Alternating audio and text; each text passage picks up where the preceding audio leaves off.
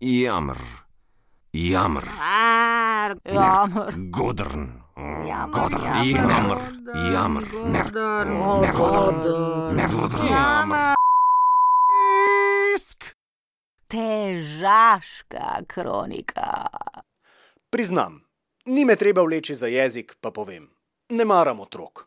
Žal, glasni, zaletavi, tečni in neumni so. Pa, tako kot veliko krat njihovi starši, totalno preveč zadovoljni s svojimi podpovprečnimi dosežki. Otrok je v najboljšem primeru slaba skica človeka, v katerega bo zrasel skozi leta socializacije. Razumem, da vas večina razmišlja drugače in razumem, da imate v evolucijskem smislu, če lahko tako rečem, prav. Zato tudi ne nameravam kritizirati vašega odnosa do prostohodečih človeških kokonov. Ampak ne vem, zakaj imam zadnje čase občutek, da mi družba vsaj posredno, če ne direktno, usiljuje prevladujoče mnenje o njih. Zna biti, da preveč časa preždim na socialnih omrežjih.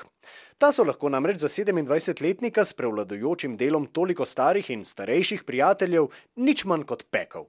Tam ste, staro ali novo pečeni, brez dvoma pa pečeni, mamice in ateki, ponosni stvarniki neprecenljivih strojčkov za ekstrakcijo zlato-rumenih in rjavih čudežev, v nevarni večini. Zdaj, na naših frekvencah smo že predvajali kako oddajo na to temo in opozorili smo na vse potencijalne nevarnosti, ki spremljajo nekritično objavljanje fotografij otrok, smo pa morda pozabili artikulirati osnovno pozicijo, ki jo zauzemamo nasprotniki to vrstnega početja, ne tako redko virtualni prijatelji fotografov in mamografin. Dol nam visi. Dol nam visi za vašo deco in za to, kaj počnejo. Ne zanima nas točno, koliko mesecev je minilo od njunih prvih korakov, ne zanima nas, katere so bile prve besede malega Kena ali male Tije. Ne briga nas, kaj sta narisala in povsem ravno nam je zakenal novi plastični traktor. Sploh pa nas ne zanima deset znakov, po katerih prepoznaš, da si dobra mamica.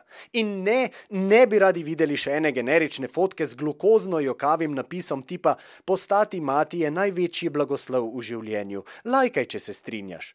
Ne gre le za to, da se mi grozno upira ideja, da bi z desetinami emotikon frikov in lajkarjev v en glas tulil buci, buci, kok je kjutkan in ugibal, komu je bolj podoben. Ne, včasih mi je iskreno žal, ko gledam, kaj so otroci in Facebook naredili iz nekaterih povsem normalnih ljudi. Ljudi, ki so nekoč, ne vem, živeli svoje življenje. Šli so na hrib, posneli dva selfija, na burger, objavili fotografijo burgerja, zvečer pa še na koncert, kako pa fotka vstopnice ni izostala. Zdaj pa samo še težijo s temi svojimi otroki. Ljudje, ne slepimo se. Facebook je, poleg tega, da je platforma za brezplačno oddajo osebnih podatkov korporacijam, orodje za samopromocijo.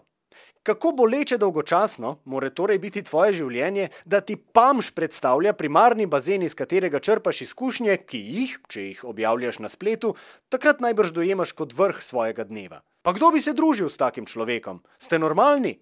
In če smo že tu, ne morem ne omeniti najhujše podskupine fotografov in mamografin, nosečnice in nosečniki, ki za svoje predporodne samopromocijske podvige najamejo profesionalne fotografe. Poglejte me, kako žarim. Gravš, obup!